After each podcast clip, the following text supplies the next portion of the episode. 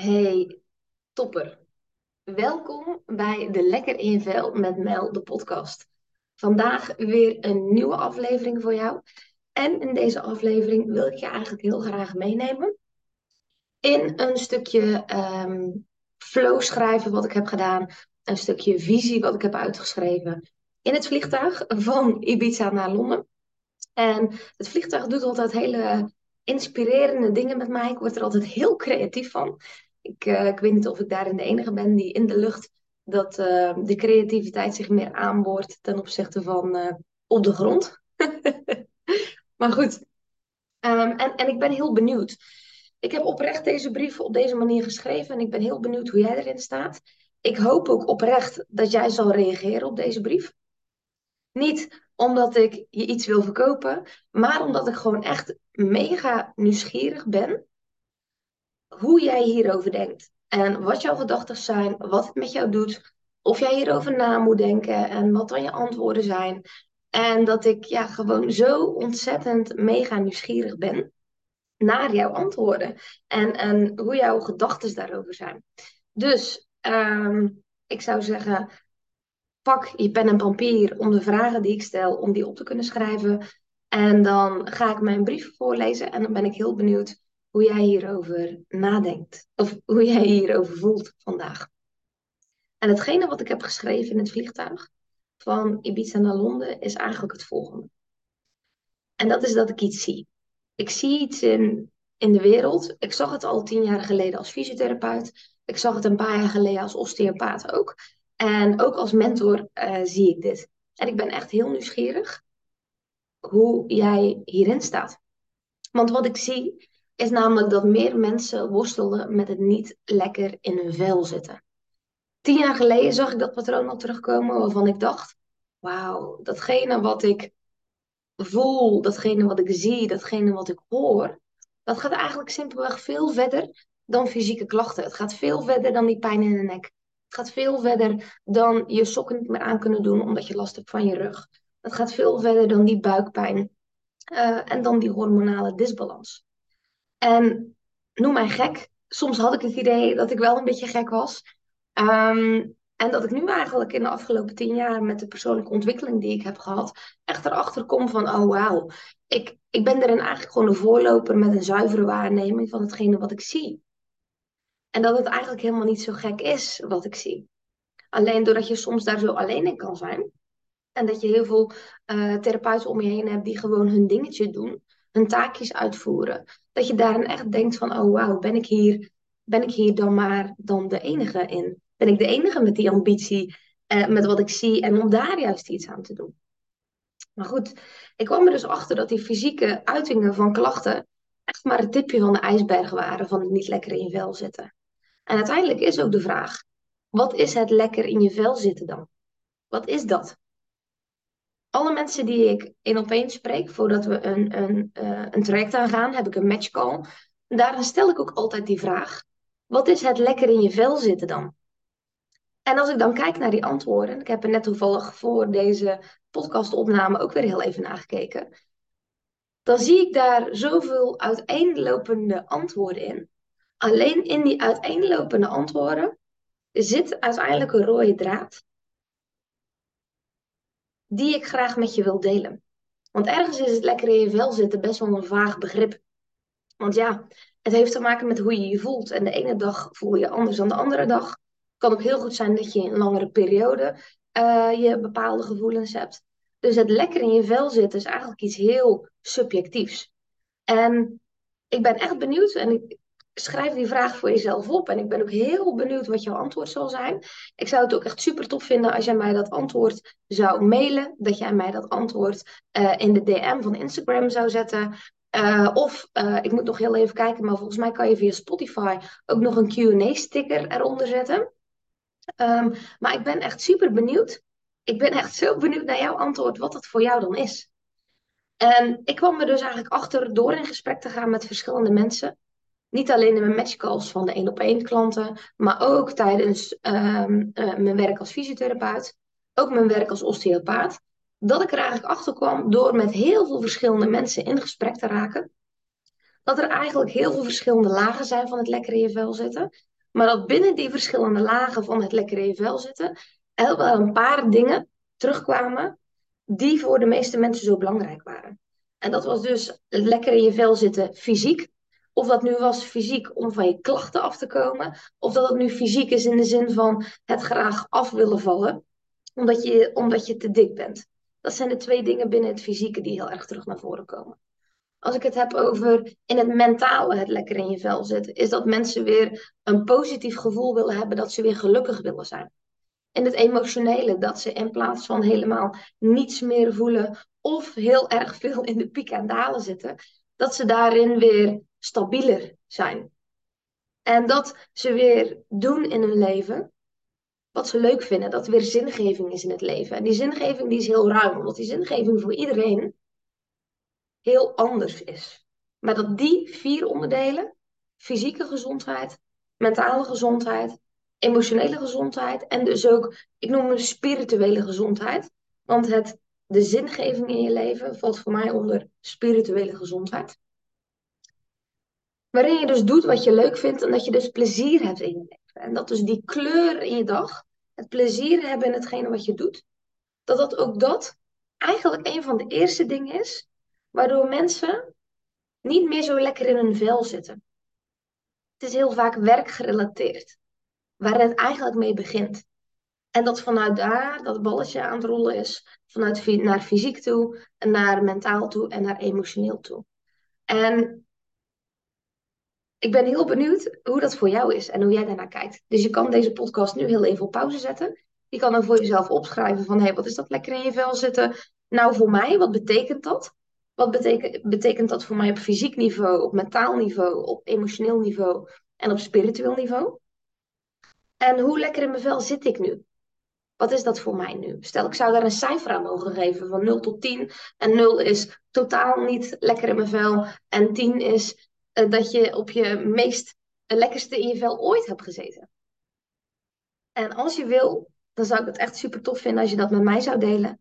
Je kan mij een mailtje sturen naar welkom at melaniedij.com. Ik zal hem ook wel heel eventjes in de, in de tekst hier beneden zetten. En je kan me ook een DM sturen via Instagram, at melanie-dij. En natuurlijk blijft alles anoniem, maar ik ben echt mega nieuwsgierig wat dat voor jou zou zijn. Dus super bedankt als je hier aan mee wil werken, um, omdat ik heel benieuwd ben naar jouw context. Goed, dat terzijde. Tien jaar geleden zag ik dat eigenlijk al. Tien jaar geleden zag ik al dat mensen niet lekker in hun vel zaten en wat het dan voor manifestatie gaf. In fysieke klachten, in mentale klachten, emotionele klachten. Um, en dus ook in het leven van diegene. En dat dus de rode draad echt die vier componenten bij elkaar waren, waardoor het opeens allemaal niet meer zo lekker stroomde. En eigenlijk, we zitten nu 1 maart, officieel 1 maart 2023. Fast forward naar nu zie ik eigenlijk nog veel meer mensen niet lekker in hun vel zitten. Het lijkt wel alsof ik, uh, het, uh, alsof ik alleen maar hoor dat mensen in een burn-out zitten, dat mensen uh, angst- en paniekstoornissen hebben, dat er heel veel mensen zijn die lange tijd niet kunnen werken, er echt af liggen, fysiek gezien, mentaal, emotioneel. en dus ook geen zingeving meer hebben in hun leven, dat ze het leven oprecht niet meer leuk vinden. Niet dat ze zichzelf het leven zouden ontnemen, maar wel dat het echt, echt wel gemerkt wordt van hé, hey, het is niet meer het leven waar ik blij van word. En, um, en dat gaat eigenlijk nog verder dan, dan op lichamelijk niveau. En dan buiten die fysieke klachten uh, die terugkerend zijn, die niet opgelost zijn of die onbegrepen worden. Maar ik zie mensen gewoon echt oprecht met bosjes neervallen. Ik zie ze neervallen in die mentale, emotionele componenten, in het spirituele component. Dat ze zoekende zijn, dat ze niet meer weten wat ze leuk vinden. Dat ze uh, gewoon oprecht alleen maar kunnen denken aan stilte en aan rust. Um, noem dat burn-outs, noem dat overspanning, noem dat depressiviteit. Uh, maar één ding is zeker. Het is echt super zichtbaar momenteel. En ik vraag me dan oprecht af, dat als zoveel mensen dan niet lekker in de vel zitten, wat is daar dan voor nodig? Wat is er voor nodig om weer iedereen weer blij te maken? Dat iedereen weer lekker in zijn vel zit en dat iedereen doet um, wat hij leuk vindt. Ik vraag me dat oprecht af. En dan heb ik het eigenlijk nog niet eens over de impact, de sociale, of ja, de impact van de afgelopen drie jaar. En ik hoef het beestje niet bij zijn naam te noemen, maar je begrijpt heel goed uh, waar ik het over heb, hoe de afgelopen drie jaar eruit heeft gezien. En niet alleen in Nederland, maar wereldwijd. En wat voor impact die periode aan isolatie, aan uh, uh, dingen die niet meer konden, wat dat nog heeft gedaan. In die periode had ik toevallig ook mijn afstudeeronderzoek van osteopathie stress en osteopathie, een osteopathische kijk en wat voor aanpak er bij stress in de ruimste zin van het woord, wat daarbij zou kunnen helpen. En daarin kwamen er ook al hele vroegtijdige onderzoeken over de afgelopen drie jaar en wat voor verwachting dat ze daarbij gaven. Nou, en uh, ja, ik vond het eigenlijk best wel heftig. Ik vond het wel heftig om te lezen. zeker omdat die periode voor mij um, eigenlijk alles behalve heftig was. Ik had er natuurlijk wel drie maanden dat mijn praktijk toen in Nederland dicht moest. Toen ik nog een praktijk had in Nederland. Um, en dat ik financieel niet geholpen werd en ik drie maanden dus geen inkomsten had. Maar ik ervaarde daar geen financiële stress van. Ik ervaarde die niet. Um, ik had het financieel gezien goed voor elkaar. Ik had potjes daarin zitten. Uh, dat geldt natuurlijk niet voor elke ondernemer. Dat geldt niet voor iedereen die in loondienst zit. Uh, maar ik had dus daarin echt de kans. En dat is ook een van de grootste eye-openers geweest, denk ik, in mijn, in mijn leven. En het klinkt heel groot en het klinkt ergens ook heel zwaar. Uh, maar ik ben echt heel dankbaar dat me dat overkomen is, omdat ik toen de kans kreeg om oprecht stil te staan. En vanuit die stilstand na te kunnen denken van, hé, hey, maar wat wil ik? Ik heb nu deze praktijk. Uh, ik doe nu deze studie. Dit is hoe mijn leven eruit ziet. Uh, dit is wat ik heb sociaal. Dit is wat er op sociaal vlak gebeurt aan, uh, aan um, noem je dat ook alweer? Uh, aan verschillende visies, waardoor je merkt dat je met sommigen wel een match hebt en met sommigen niet. En het heeft mij oprecht geholpen, die stilstand, om dus mijn plannen weg te zetten en waarom ik nu doe wat ik doe. Het heeft me geholpen, een dikke vette eye-opener, op um, mentaal en emotioneel niveau. En dus het werken met mensen, letterlijk met behandelen, maar uh, ook in coaching, wat voor impact dat had op mijn systeem. En dat ik er dus achter kwam dat ik dus eigenlijk veel gevoeliger was dan dat ik dacht in mijn hoofd. En dat ik dus um, in mijn gevoel, met alles wat ik kan, met de weerbaarheid die ik heb, de belastbaarheid die ik heb, dat ik dus eigenlijk mezelf uh, stoerder uh, vind en vond dan dat ik dus klaarblijkelijk ben. En dat ik dus veel gevoeliger ben. Um, omdat ik er dus achter kwam dat toen in die periode, ik bijvoorbeeld, ik werd s'nachts altijd één keer wakker. Ik werd altijd één keer wakker om naar het toilet te gaan. Weet je, dat voelt als uh, geen klacht, want ja, uh, je gaat gewoon één keer per uh, nacht naar de wc. Verschilde twee uur, drie uur, vier uur, dat maakt niet zoveel uit. Um, maar dat in die periode, na drie weken, thuis te zitten. Dat ik er toen achter kwam van wow, ik slaap nu door. Ik slaap gewoon door. En dat dat bijvoorbeeld een van mijn eye-openers was, dat ik dacht van hé, hey, uh, het is mooi dat dat nu kan. En dat ik voel hoe uitgerust dat ik nu ben. En dat ik er dus achter kom door dus niet meer te werken met mensen, fysiek en uh, online. Dat het dus klaarblijkelijk voor mij in mijn systeem veel beter aanvoelt, waardoor ik in diepe ontspanning oprecht kan doorslapen. En dat ik echt dacht, wow, holy fuck, wat bijzonder. En zo heb ik nog meer voorbeelden, maar dit is heel even een heel simpel klein voorbeeldje, wat mij dat bijvoorbeeld gegeven heeft. Naast mijn uh, uh, opstart van echt het online stuk van het mentorschap, om dat goed neer te zetten, omdat ik dacht, ja, dit is de kans voor mij. Er gaat nooit meer zo'n kans komen. En ik zie echt dat er heel veel mensen daar de plank in hebben misgeslagen. De plank hebben misgeslagen dat zij zeggen, ja, weet je, het waren twee, drie jaar van mijn leven die stil hebben gestaan. En ik heb me super erg verveeld. En dat ik denk, ja, voor mij heb je dan echt de plank misgeslagen met alles wat je wel kon. Het was een uitnodiging om te kunnen zien van, hé, hey, wat kan ik wel? En op welk niveau kan ik dan wel iets doen? En wat kan ik met mezelf doen? Het was de uitnodiging om naar je binnenwereld te keren om in die binnenwereld te gaan kijken, te kunnen gaan voelen, te kunnen gaan exploreren. Maar goed, Daar ga ik zo meteen nog heel even op verder in, uh, in de brief die ik geschreven heb. Ik was nu eventjes alweer een klein beetje in de sidetrack gekomen. Goed. Terug naar dat ik die mensen dus nu vast voor het anno 2023 met bosjes omver zie vallen. En dat dus naast de fysieke belastbaarheid die al flink verlaagd is, door het gemak van de moderne technologie, uh, dat dus ook de mentale en emotionele weerbaarheid echt forst verlaagd is. En ik laat heel even in het midden of het te maken heeft met de maatschappij. Uh, want uiteindelijk heeft een verhaal altijd twee kanten. Een verhaal heeft altijd twee kanten. Dus het alleen maar vingertje wijzen naar de maatschappij, naar het systeem, dat het is zoals het is en dat dat dus het probleem is. Um, dat is ergens ook een beetje unfair. Want aan een verhaal zitten altijd twee kanten. Het is aan jou om daarin mee te gaan, ja of nee. En voor welke consequenties je kiest of welke prijs dat je betaalt. Um, maar die laat ik heel even in het midden, want daar zou ik een hele podcast apart over kunnen maken. Um, maar dat in ieder geval, doordat een verhaal altijd twee kanten heeft, um, dat daardoor je steeds geleidelijk minder lekker in je vel kan komen te zitten.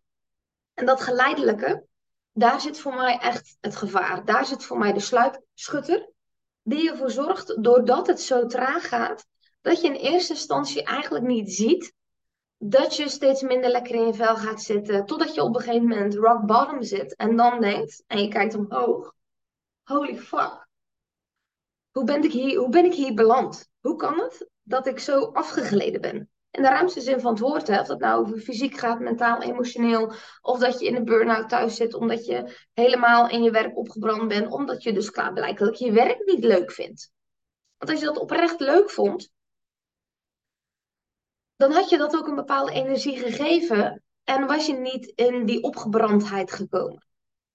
Goed. Die sluipmoordenaar dus. Het is echt een super erge sluipmoordenaar, zoals heel veel dingen in je gedrag, in gedragspatronen, in je emoties en je gedachten. Maar dat dat er dus voor zorgt dat je geleidelijk aan minder kleur krijgt in je dag. En met kleur bedoel ik dynamiek.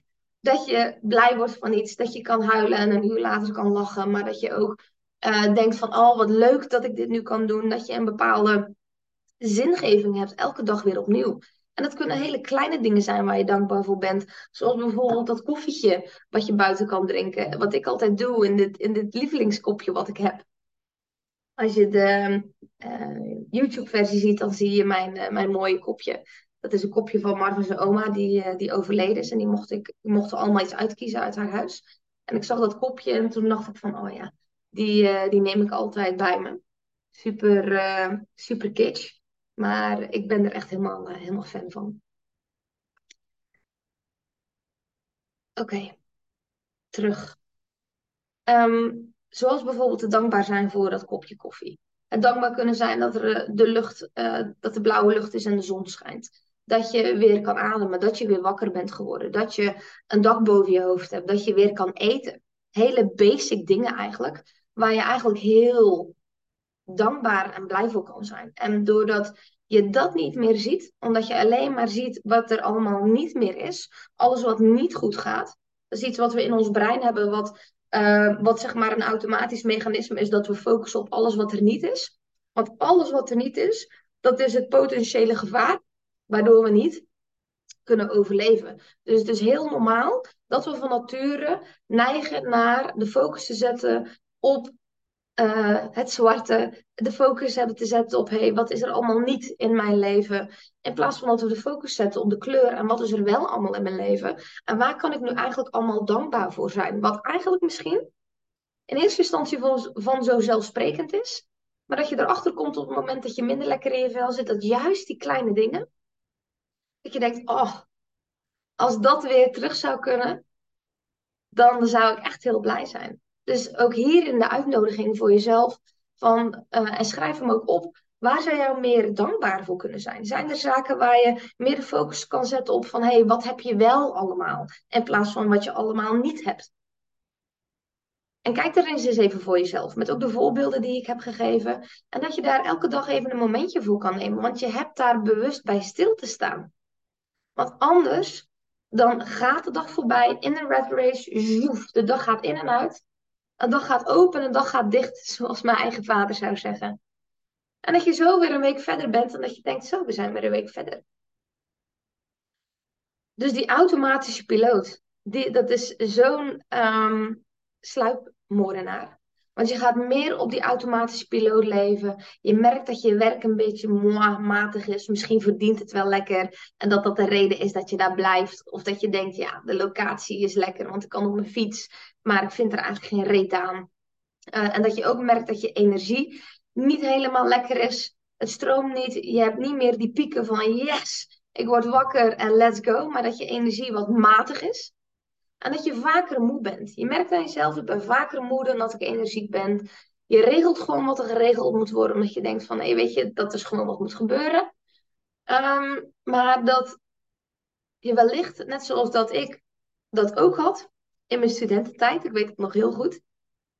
Dat ik allerlei dromen en doelen had. Super ambitieus. En dat ik dacht, oh, ik word de allerbeste fysiotherapeut van de wereld. Want ik vind uh, daar wat van.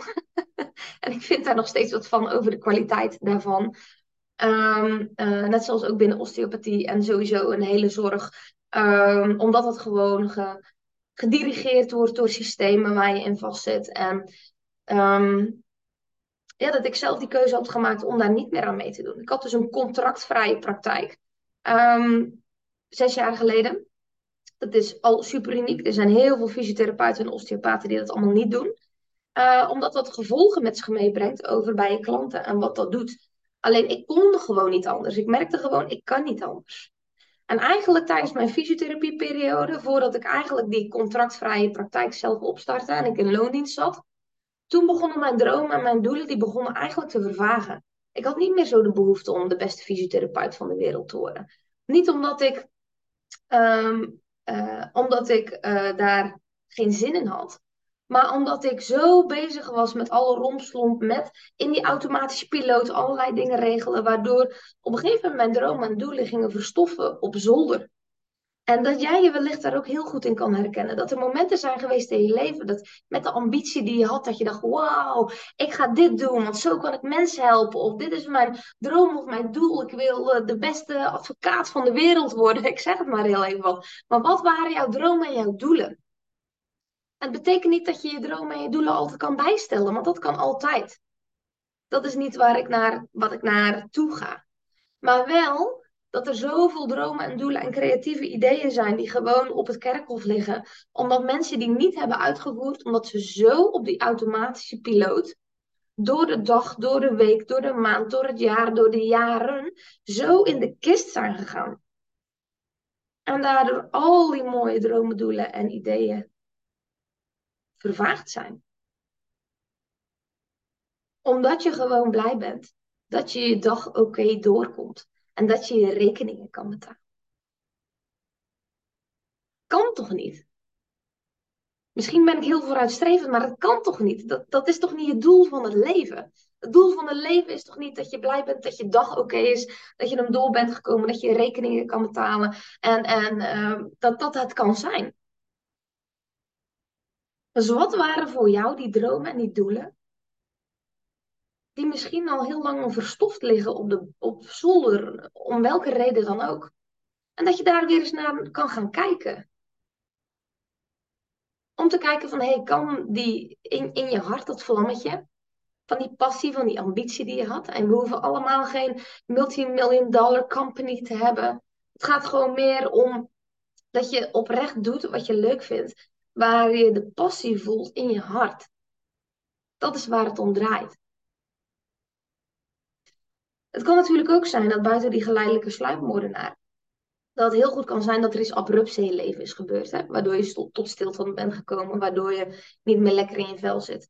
Het kan ook zijn dat je juist alles al voor elkaar hebt. En dat je een huis hebt, je hebt een goede baan, je hebt een partner, alle rekeningen worden met gemak betaald. Maar dat je eigenlijk erachter komt van, hé, hey, ik heb nu eigenlijk alles voor elkaar. Ik ben nu 25 of ik ben nu 30 of ik ben 35 en wow, ik heb het allemaal voor elkaar. En dat je er eigenlijk achter komt van, maar hier is ook geen fuck aan. Het is wel saai. Er zit weinig kleur in mijn dag, er zit weinig dynamiek. Hmm, ik mis eigenlijk dat zoutje op mijn biefstuk. En dat je denkt van ja, ik heb dit spelletje al uitgespeeld, maar is dit het leven nu? Kan heel goed zijn dat een van die drie scenario's jouw scenario is. En dat jij daar vanuit daar denkt van ja, hoe is dat dan eigenlijk voor mij nu zo gekomen? Vaak is het het mix. Het kan uh, het eerste scenario zijn met het tweede, dat, er iets, dat je iets tot stilstand heeft gebracht, zoals bijvoorbeeld de dood van een dierbare. Uh, of de ziekte bij jezelf. Het kan ook zijn dat je wel alles al voor elkaar hebt en dat je daarin je dynamiek niet hebt, maar dat je wel één ding zeker hebt.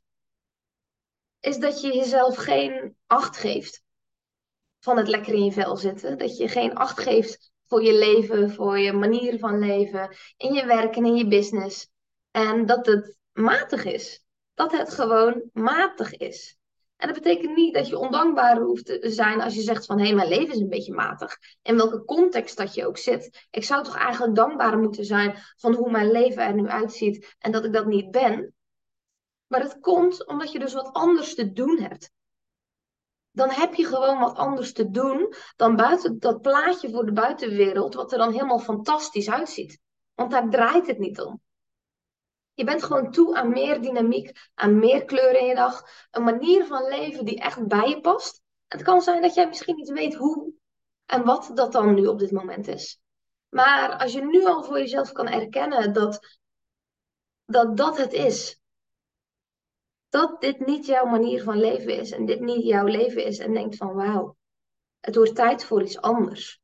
Dat je weer gaat leven in plaats van dat je gaat overleven. Dat je weer gaat leven omdat je niet op die automatische piloot op mute staat. Omdat je voelt, ja, ik kan expressie geven aan wat ik denk, aan wat ik voel en dat tot creatie brengen. Dat is leven. Wat die creatie ook mag zijn. Hoe die manier van leven er ook uit mag zien. Of je nou op de camping gaat wonen in, uh, uh, in uh, Bosbad Hoeven of ergens in, op de Veluwe. Who cares? Zolang het maar een manier van leven is. En dat jij het leven leeft op een manier waarin je voelt van, oh wauw. Mijn hart gaat hiervan in de fik en hier word ik blij van. Hier word ik blij van. Net zoals met je werk. En wat ik je wil duidelijk maken, is dat uiteindelijk jij daar zelf bij bent. Je bent er zelf bij. Maar uiteindelijk heb jij jezelf zo gedragen om naar die automatische piloot te gaan en in die mute stand te staan. Het is een keuze. En dat klinkt heel raar. Het kan zelfs een beetje twisted klinken waar je denkt, hoezo een keuze? Ik had helemaal geen keuze. Ik moest dit gewoon doen, want de rekeningen die moesten gewoon betaald worden. En dat is dus exact wat ik bedoel.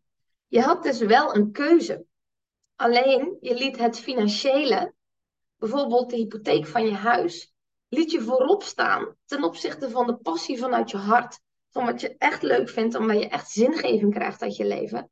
Omdat je niet bereid was die keuze te maken. En niet kiezen en maar door blijven gaan is daarin ook een keuze. Het is een keuze.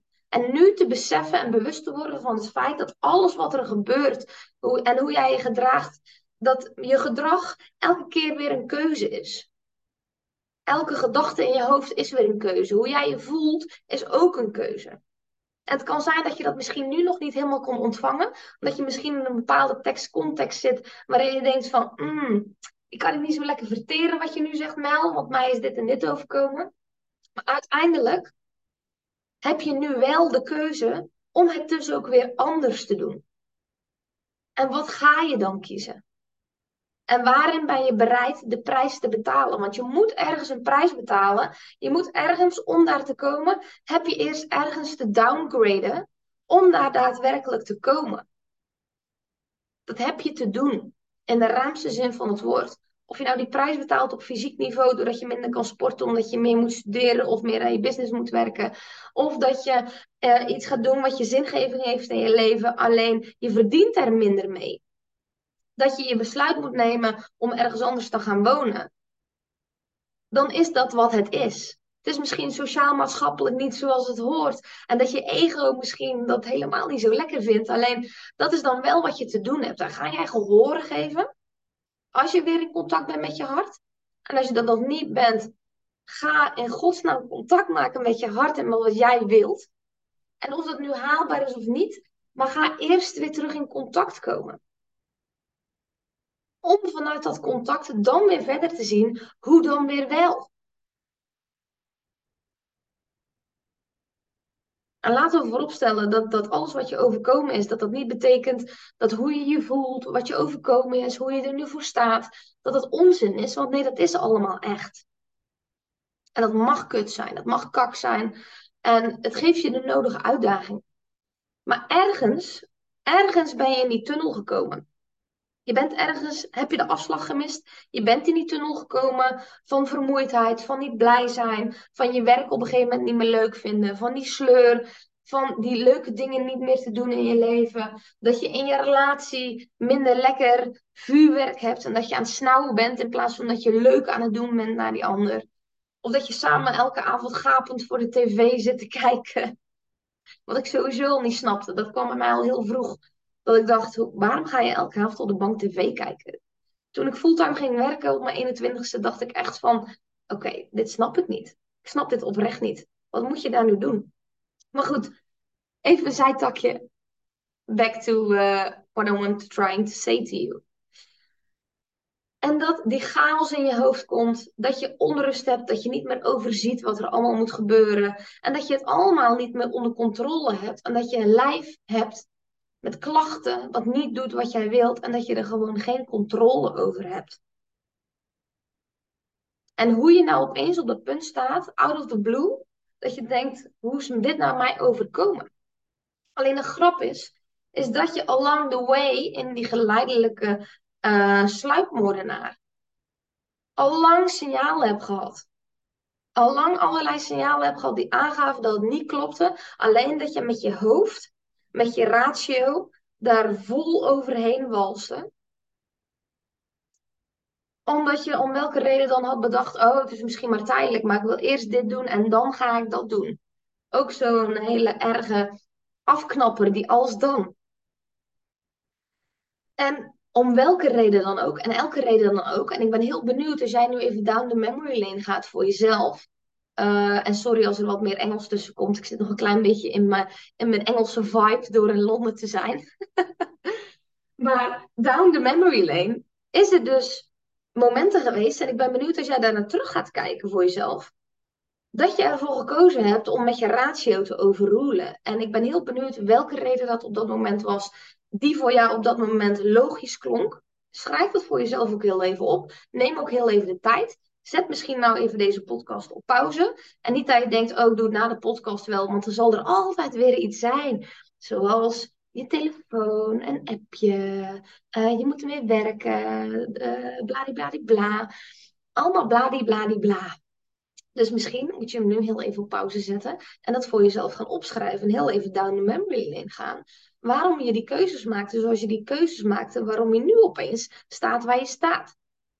Het maakt niet uit wat die keuzes toen verkeerd waren, alleen je kan leren van die keuzes. Je kan leren van die keuzes dat op het moment dat je die keuze nu nog een keer maakt, dat je denkt, hé, hey, dat hier zo'n lightbulb ontstaat waar je aan kan trekken, zo van, wacht eens even.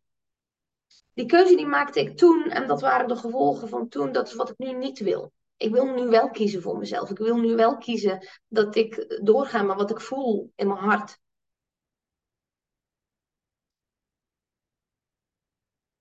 Want hoe ver wil je het laten komen? Hoe schuldig of onschuldig het ook is. En vaak zijn die onschuldigen nog het gevaarlijkste, want er zit heel weinig urgentie in. Ehm, want zo slecht is het allemaal toch niet. We hebben heel erg ook als Nederlanders dat we heel erg dingen gaan uh, nuchter maken. Zo van, oh ja, maar zo slecht is het toch niet? En dat klopt. Het is ook zo slecht nog niet. Maar het is dus ook niet goed. En dat is waar ik je naartoe wil bewegen. Van, hé, hey, dat het ook goed mag zijn. Het is niet ondankbaar dat je meer wilt. Het is niet ondankbaar of greedy dat je wilt streven naar iets wat meer is. Het is niet erg. Zolang je maar bereid bent te doen wat nodig is om daar te komen. En ik zie ook dat dat vingertje wijzen naar de buitenwereld eigenlijk zo comfortabel is geworden. Veel comfortabeler dan te kijken naar jezelf als we het hebben over die twee verhalen en twee kanten. En dat het dus super comfortabel is om naar de buitenwereld te wijzen, in plaats van naar jezelf te wijzen en te kijken aan jouw binnenkant. naar jouw binnenwereld, naar jezelf, naar hoe je je gedraagt, hoe je denkt, hoe je je voelt, hoe je kijkt naar jezelf, maar ook hoe je kijkt naar de wereld. Heb jij een realistisch beeld van, van jezelf, maar ook van de wereld? En naar je behoeftes en wat jij wilt en wat je nodig hebt, neem je jezelf serieus daarin. Naar je verlangens, naar hoe je je voelt. En hoe alles jou beïnvloedt en waarom je doet wat je doet. Omdat uiteindelijk, waarom je niet lekker in je vel zit, is omdat het niet strookt met de buitenkant. De binnenkant strookt niet meer met de buitenkant. En doordat het niet meer strookt, ontstaat er een kramp. En door die verkramping, dat is waarin je lichaam gaat communiceren met jou. Hij zal gaan communiceren, of zij zal communiceren met jou, om je te laten merken van, joehoe, er gaat iets niet goed. En laten we vooropstellen, gelukkig zie ik daar ook een verschuiving in, dat er meer mensen zijn die er bewust mee bezig zijn. Ehm, en, en dat de bewustwording al vergroot is, maar dat ik echt heel erg voel dat het ook mijn taak is om, om dit ook de wereld in te zetten, omdat het nog niet genoeg is. het is nog niet genoeg. Er mag zoveel meer bewustwording komen van je eigen binnenwereld, van hoe jij over dingen denkt, welke keuzes dat je maakt, waarom je doet wat je doet en ook wat voor potentie er in jou zit, waar je in uit kan aanboren, waaruit je kan creëren, waaruit je kan manifesteren. Waardoor het zichtbaar wordt hier van wat jij wilt en waar jij blij van wordt. En dat is de reden waarom ik doe wat ik doe, omdat dit voor mij zo'n ultieme zingeving is. Ik merk ook tijdens het opnemen van deze podcast dat ik ook echt voel van, oh wauw, ik sta hier echt zo on fire. En ik, ik hoop dat dat overkomt, omdat dat hetgene is wat ik wil dat jij ook kan ervaren. Dat jij kan ervaren on fire te staan, omdat je iets doet wat je zo leuk vindt, dat je passie voelt en dat je denkt, wow, hier word ik mega enthousiast van en nobody is stopping me. Ik zeg niet dat het makkelijk zal zijn, maar dat je wel weet, dit is wat ik te doen heb. En elke dag opnieuw doe ik dit weer. Ik leef dit, ik adem dit. Ik ben ook exact daar geweest met alle voorbeelden die ik al heb genoemd. En dat zijn nog maar voorbeelden van het tipje van de ijsberg. Maar ik ben het voorbeeld van practice what you preach. Ik kom niet uit een gezin met een gouden paplepel. Ik ben er geweest in de, kleuren de dagen zonder kleuren, de automatische piloot. In werk hebben waarbij je op een gegeven moment denkt: oké, maar dit is niet waarom ik dit ben gaan doen. Of dat je denkt: waarom doe ik dit nog? En dat ik je dus naast als osteopaat om je fysiek te kunnen helpen, om ervoor te zorgen dat daar alles weer lekker stroomt. Dat dus het mentorschap voor mij echt een gouden meldje is om ook in die binnenwereld, om die mee te kunnen nemen, zodat die verkramping uit je binnen- en je buitenwereld, dat we die eruit kunnen gaan halen. En dat ik jouw friendly reminder ben. En zo gelukkig nog meer met mij. Want laten we vooropstellen, de realiteit is, is dat ik niet de enige ben die uh, deze visie heeft. Alleen iedereen vertaalt die net wat op een andere manier. Met de tekstcontext waar die uit vandaan komt. Maar dat ik echt hier ben om ook die schop onder je beeld te geven. Dat je echt hebt te kijken naar je eigen binnenwereld. Met je gedrag, met je gedachten, met je emoties. En dat jij zo daadwerkelijk het heft in eigen handen kan gaan nemen. Omdat jij erachter komt, ja, de enige die het hier te doen heeft, dat ben ik. Ik kan er wel lekker lui op de bank gaan zitten kijken, YouTube-filmpjes, hoe andere mensen hun amazing life aan het leven zijn. En dat ik denk, fuck, dat wil ik ook. Ik ben jaloers, ik voel afgunst. Maar jij hebt het te doen. Je hebt het werk te doen, je hebt er energie in te stoppen om dan daar te komen. Wat dat dan voor jou die daar ook mag zijn. Voor ieder wat wil, weet je. We hoeven niet allemaal hetzelfde te doen. Maar dat je het heft kan nemen in je eigen, het heft kan nemen in je eigen handen over jouw leven, over jouw manier van leven, over jouw lichaam, over je gedachten, over je emoties en wat jouw zin geeft in jouw leven. Want het ligt niet buiten je. Je kan allerlei dingen buiten je gaan zitten zoeken en graven. Maar uiteindelijk heb je niet buiten je te zoeken. Je hebt in jezelf te kijken. Je hebt je ogen dicht te doen en in je lichaam te kijken wat daar dus allemaal zit al die schatten onder water in het verzonken schip waar jij naartoe te duiken hebt, om daar naartoe te gaan. En dan ben ik heel erg benieuwd. Wat, wat jij dus nu nodig hebt. Wat denk jij nu nodig te hebben om weer die stappen te kunnen zetten, om weer lekker in je vel te gaan zitten? Wat heb jij nodig om naar binnen te kunnen keren? Ik ben daar heel erg benieuwd naar. En ik zou zeggen, zet een bewijs van weer op pauze en denk daar heel even over na. En deel dat ook met mij. Ik ben heel erg benieuwd wat jij denkt, nu op dit moment, wat jij denkt nodig te hebben om dus naar binnen te kunnen keren in jouw binnenwereld. En ik ga expres geen voorbeelden geven, want ik wil je geen suggesties geven die jij over gaat nemen van, oh, dan, ja, ja, dat is het inderdaad wat Melanie zegt. Nee, ik wil echt dat jij nu naar binnen gaat keren voor jezelf, zonder dat ik iets invul. Wat denk jij nodig te hebben om dus naar binnen te kunnen keren? Om die stap te kunnen maken, om weer lekker in je vel te zitten, om jouw manier van leven te doen. Dat jij voelt, hé, hey, ik doe weer iets in mijn leven waar ik heel blij van word. Wat heb jij daarvoor nodig? Is dat iets praktisch? Is dat iets energetisch?